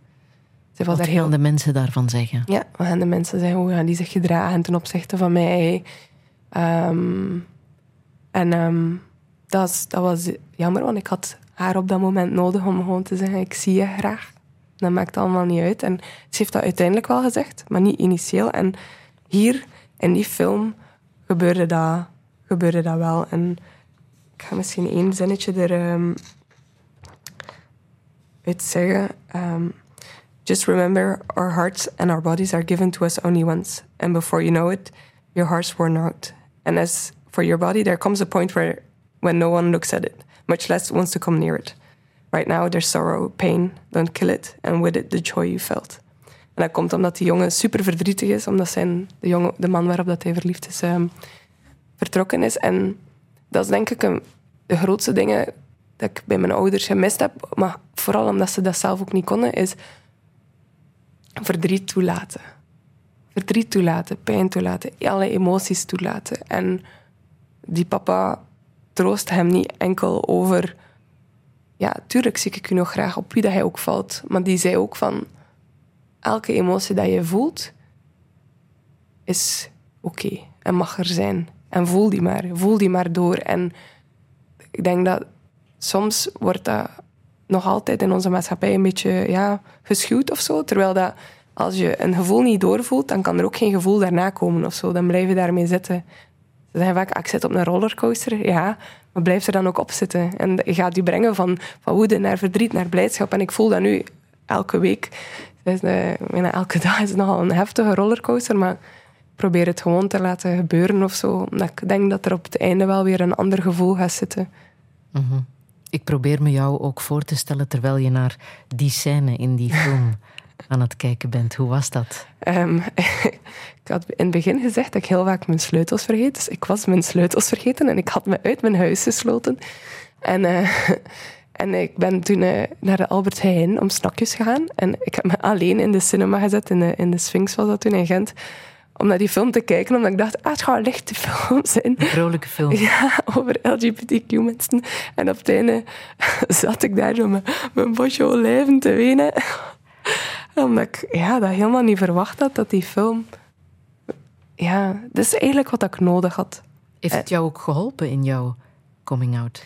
Ja, omdat ik dat niet bij mijn ouders kreeg op dat moment, merkte ik als ik heel verdrietig was doorheen de dag, dat ik gewoon die scène opzette. En dat ik, daar, ik haalde daar heel veel troost uit. Er is nog zo'n andere scène van... Um, op een Comic-Con bij uh, de schrijver van, de, schrijver, sorry, van Adventure Time is ook non-binair of een animator ervan. En op een bepaald moment speelt hij een liedje en die krijgt daar superveel applaus voor. Ook een van, van de oudere makers, wat hij heel hard papa-figuur is. Dus ik merkte gewoon dat ik heel hard zocht naar fragmenten waarin dat kinderen door hun ouders bevestigd werden, omdat ik, ik dat toen een beetje miste. Je zei nu even langs je neus weg, ik heb eerst mijn coming-out gedaan als biseksueel. Uh, ja. Maar dat was uiteindelijk niet, uiteindelijk niet zo belangrijk? Ehm, dat was wel heel belangrijk, omdat daar is, daarin was eigenlijk ook een heel moeilijke... De moeilijkste reactie... Allez, op alle twee was het moeilijk, maar het was maar drie maanden apart. En uh, uiteindelijk heb ik, benoem ik mezelf nu als panseksueel in plaats van biseksueel, omdat dat voor mij nog meer klopt. Omdat panseksueel echt zoiets is van, kijk, maakt mij niet uit. was een deel van jouw zoektocht. Ja. Als je zei, ik ben ja. Misschien biseksueel. Ja, inderdaad. En dan heb ik dat gezegd tegen mijn ouders. Omdat ik toen uh, dacht van, kijk, ik val op mannen en vrouwen. En de, de, definitie is ondertussen alweer aangepast van biseksueel. Vroeger was dat heel binair. En nu is dat aangepast van, kijk, ik val niet enkel op mannen en vrouwen. Dus uiteindelijk is het gewoon vinden waar jij jou het mhm. beste bij voelt. Want je ziet er heel vrouwelijk uit. Ja, ja. veel mensen En zo voel je je ook? Ik uh, voel mij non-binair. En kan je dat uitleggen wanneer je je meer mannelijk voelt en wanneer je je meer vrouwelijk voelt? Is het uiterlijk dat je je vrouwelijk voelt en innerlijk mannelijk? Of is dat veel fluider dan dat? Ik denk dat zelfs niet aan, aan die... Want ik merk dat iedereen mannelijk en vrouwelijk zijn een soort kapstokjes dat we zijn meegegeven vanaf dat we jong zijn. En dat iedereen nu nog bijna halstarrig probeert hun jasje en een bepaalde kapstok op te hangen of bijna in het toilet en zo verder. Terwijl het was een 100 jaar geleden, denk ik, bijna ondenkbaar dat een vrouw een broek ging dragen, of Mhm. 150.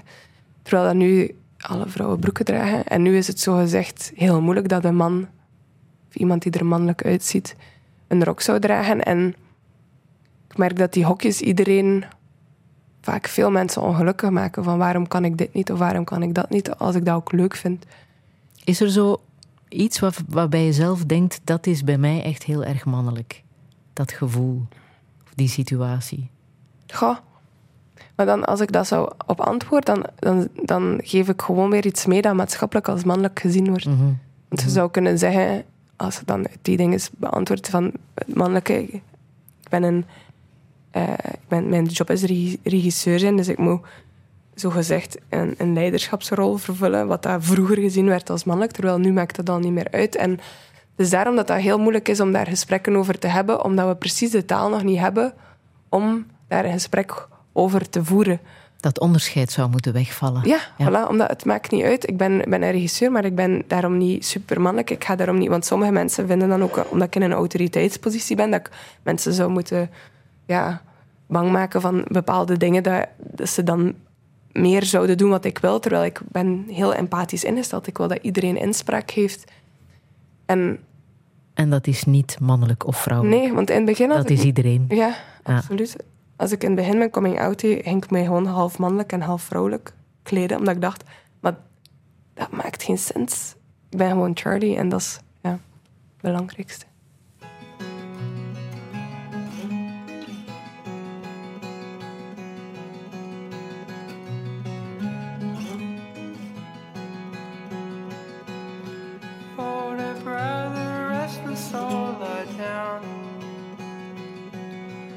Lie for a while with your ear against the earth. And you hear your sister sleep talking, say your hair is long but not long enough to reach her to me. But your beard someday might be. And she woke up in a cold sweat on the floor Next to a family portrait drawn when you four And beside a jar of two cent coins that are no good no more. She it aside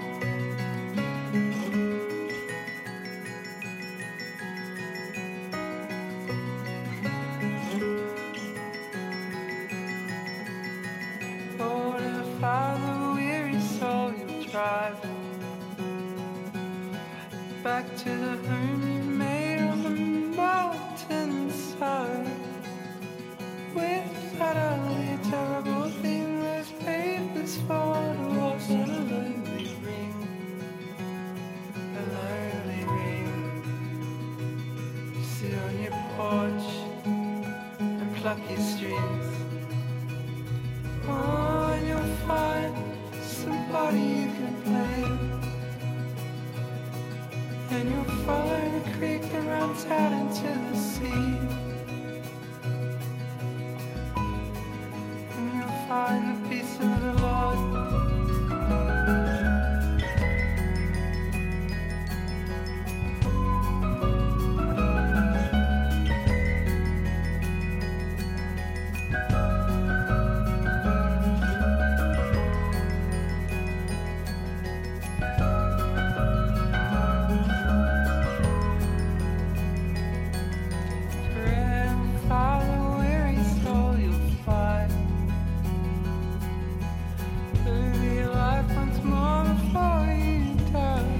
Australische band The Middle East met een nummer dat al heel veel in films is eh, gebruikt. Is het? Ja, ja, Blood heet Ah. dit nummer.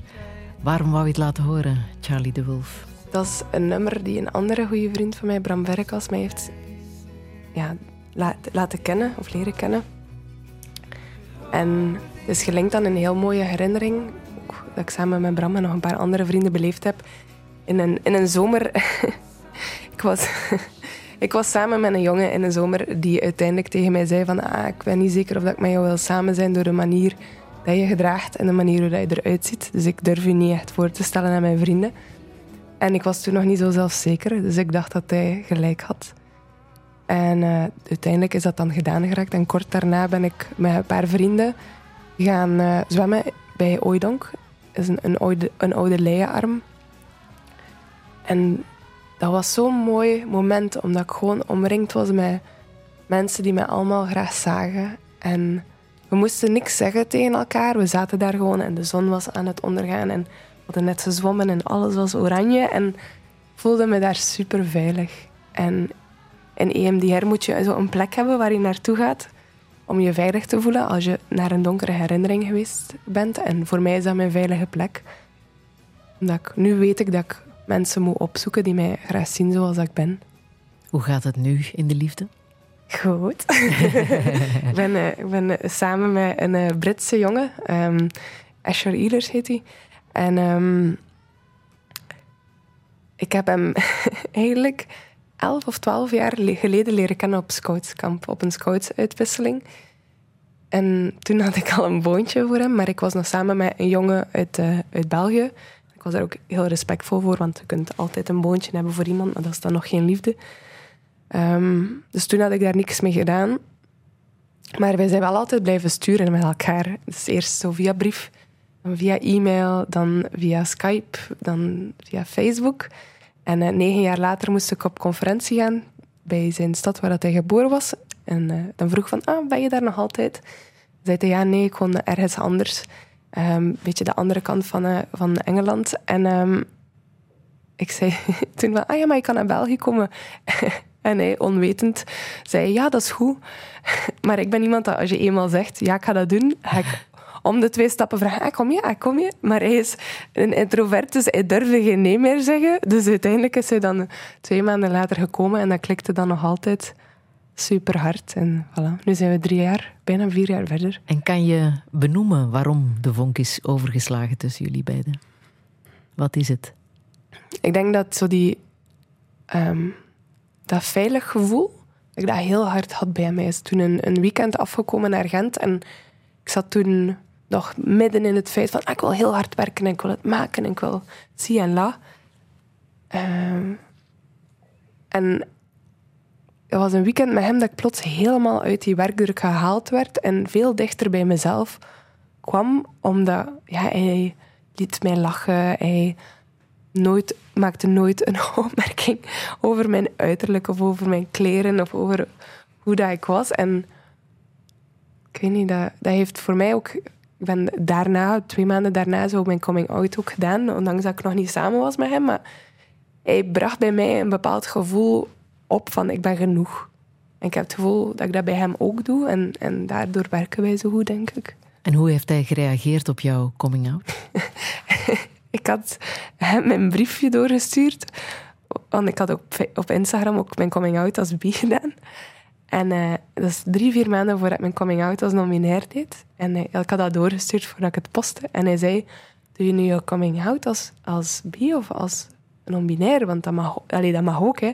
Terwijl ik daar zelf nog helemaal niet toe gekomen was. En hij zag dat wel al. En, en hij gaf ook al zo het schouderklopje van, het is oké, hè. Dus ja supergoed. Aha. Welke plannen hebben jullie samen?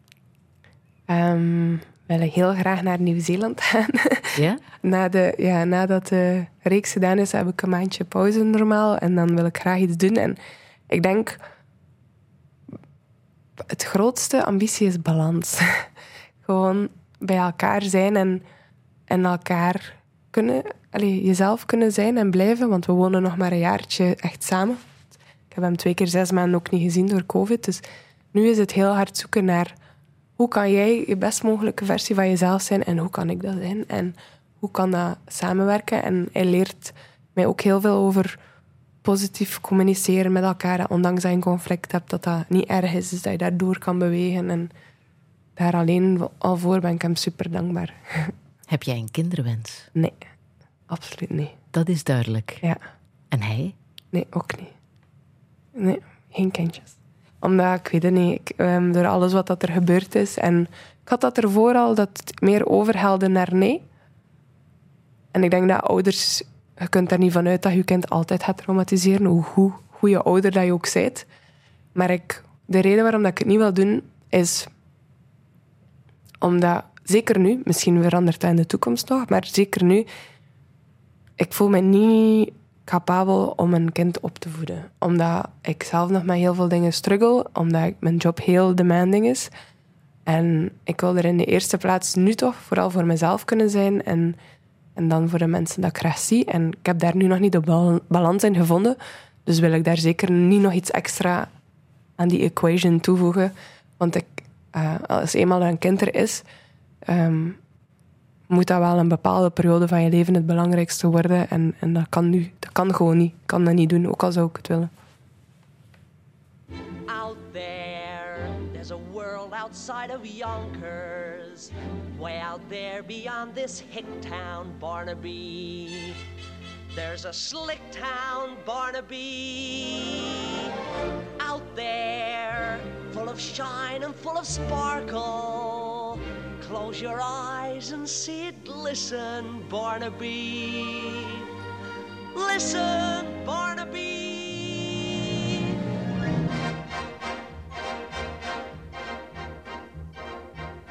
Put on your Sunday clothes, there's lots of world out there. Get out the brilliantine and dime cigars. We're gonna find adventure in the evening air. Girls in white in a perfume night where the lights are bright as the stars. Put on your Sunday clothes, we're gonna ride through town in one of those new horse-drawn open cars. We'll see the shows at Delmonico's and we'll close the town in a whirl. And we won't come home until we've kissed a girl. Put on your Sunday clothes when you feel down and out. Strut down the street and have your picture took. Dressed like a dream, your spirits seem to turn about. Sunday shine is a certain sign that you feel as fine as you look. Beneath your parasol, the world is all a smile that makes you feel brand new down to your toes. Get out your feathers, your patent leathers, your beads and buckles and bows. Oh, there's no blue Monday in your Sunday, no Monday in your Sunday, no Monday in Sunday clothes when you feel down and out. Straight down the street and have your picture took. Just like a dream, your spirits seem to turn about. That Sunday shine is a certain sign that you feel as fine as you look. Beneath your parasol, the world is all a smile that makes you feel brand new out your feathers, your patent leathers, your beads and buckles and bows, for there's no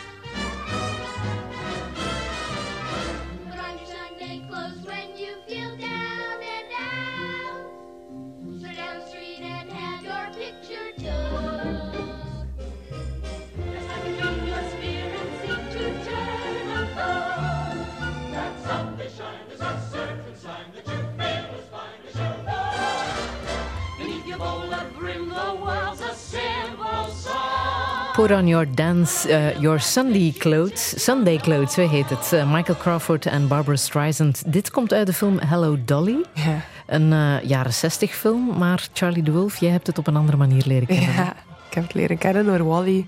Dat, Wally, dat is een van de films waar Wally naar kijkt.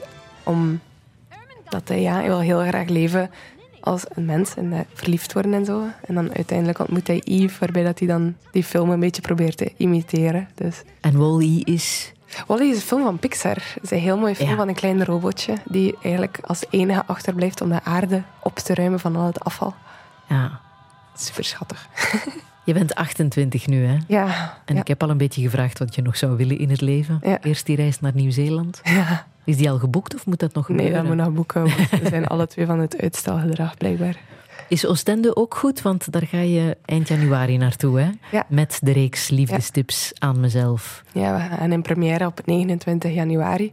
op het filmfestival. Ja, super spannend. Dus ik eh, kijk er enorm, enorm, enorm, enorm naar uit. Met dank ook aan Peter Kraaimeers. Ja, het is echt een man. Peter heeft mij enorm verbaasd door mijn carrière. Dat is een man die zoveel voor mijn carrière betekend heeft, maar heel stil. Hij was de eerste persoon die mij een job gegeven heeft na mijn ehm, schoolcarrière als decorontwerper voor een festival. En eh, blijkbaar is hij ook een van de mensen die mij naar voren geschoven heeft. Of de mens die mij naar voren geschoven heeft voor de Vintro-prijs. Want je moet voorgedragen worden. Dat ik ook al niet verwacht had. En nu ook mag ik daar mijn première doen. En ze, hadden mij vorig jaar ook gevraagd om in de jury te zitten. Maar dat ging toen niet, omdat mijn papa zijn eerste poging had gedaan. Dus ja, die man is er heel hard aanwezig geweest. En, en ik heb het gevoel dat hij dat voor veel mensen doet. Op een stille manier zo dingen vooruit duwen. En ik vind dat hij daarvoor wel een, een schouderklopje verdient. Aha. En Oostende, Ja, die stad is ook belangrijk voor jou. ja. Ja. Dus ehm, als ik mij niet zo goed voel, ehm, dan helpt gaan vliegeren heel hard, gaan uitwaaien. Letterlijk gaan vliegen. Ja, ja. Dat, is, dat is ook weer opnieuw uit je hoofd gaan en gewoon enkel gewoon bezig zijn met die vlieger. Want als ze daar niet mee bezig zijn, dan stort hij neer. En Oostende is daar voor mij de perfecte stad voor, omdat er, de grote post zit daar ook, waar dat ze super lekker eten hebben. En ik ben aan van alles intolerant. En ze hebben daar heel veel opties dat ik wel kan eten. En ik eet daar altijd falafel met spinaziepuree. En dat is eigenlijk voor, van de kidsmenu. En elke ober zegt dan, ja, maar eigenlijk mag dat niet. Hè? En dan kijk ik zo een keer heel lief van, alsjeblieft. En dan krijg ik het toch. Eh, ik hoop dat ik het nu nog altijd krijg. Ook al eh, zeg ik het hier. Maar dat maakt me heel gelukkig. Welke boodschap zou jij nog willen meegeven?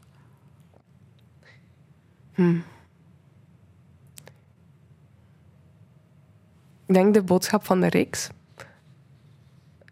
Praat erover. Je bent niet te veel. Je mag er zijn en blijf erover praten. Want er zullen heel veel, als je met donkere gedachten zit, heel veel momenten zijn dat mensen je misschien nog niet begrijpen. Dat je bij de verkeerde psychologen zit. Dat als je naar een hulplijn belt, dat, dat, dat er daar iets. Dat, men, dat je daar niet de hulp krijgt dat je nodig hebt, maar er is wel hulp.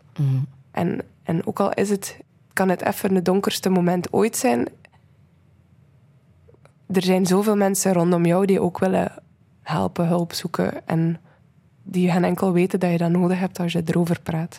Want wij kunnen ons inderdaad wel heel erg voorstellen dat het, eh, dit gesprek bij mensen ehm, wel als verwarrend kan overkomen, herkenbaar.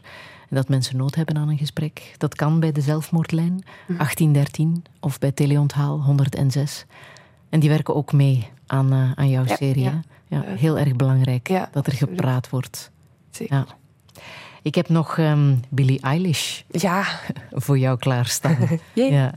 dat is, een- dat is een liedje die mij een beetje doorheen het jaar geraakt, geha- ge- gehaald heeft. Want zij heeft Happier than ever. het, het raakt ook... Ik heb me heel hard herkend in Billie Eilish het afgelopen jaar, omdat ik heb... Toen dat ook heel donker was, heb ik een documentaire van haar gezien, waar dat zij ook tekeningen maakt en ook ruimte geeft aan alles wat donker is in haar muziek en in haar tekeningen. En ik dacht, als zij met al dat donkerte iets kan doen, dan kan ik dat ook. En dat liedje is daar een, een voorbeeld van. Ja, jij tekent ook Ja, de dingen van je af. ja absoluut. En doe je daar iets mee? Ik hoop daar in de toekomst mee te doen. Ik, ik hoop, ben nu bezig ehm, met Marieke Dermul, eigenlijk de eerste gesprekken, of dat we een docu-serie zouden maken over rouw. Maar we hebben letterlijk deze week ons eerste gesprek gehad. En tekeningen zouden daar ook een heel belangrijke rol in spelen. In ehm, hoe, dat, ja, hoe dat je ook humor en, en iets positiefs in de rouw kunt zien. Ook al verwerk je heel donkere dingen. When I'm away from you, I'm happier than ever. wish I could explain it better. I wish it wasn't true. Give me a day or two to think of something clever to write myself a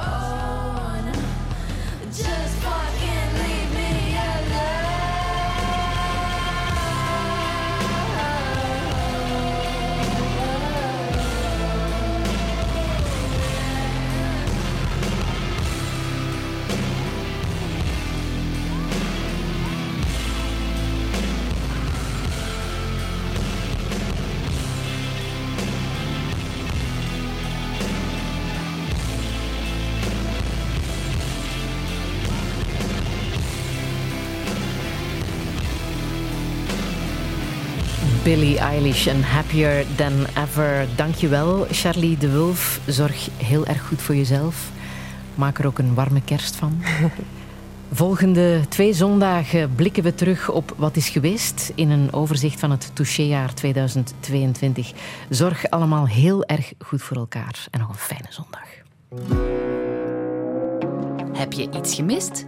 Je kan Touché herbeluisteren in de app van VRT Max.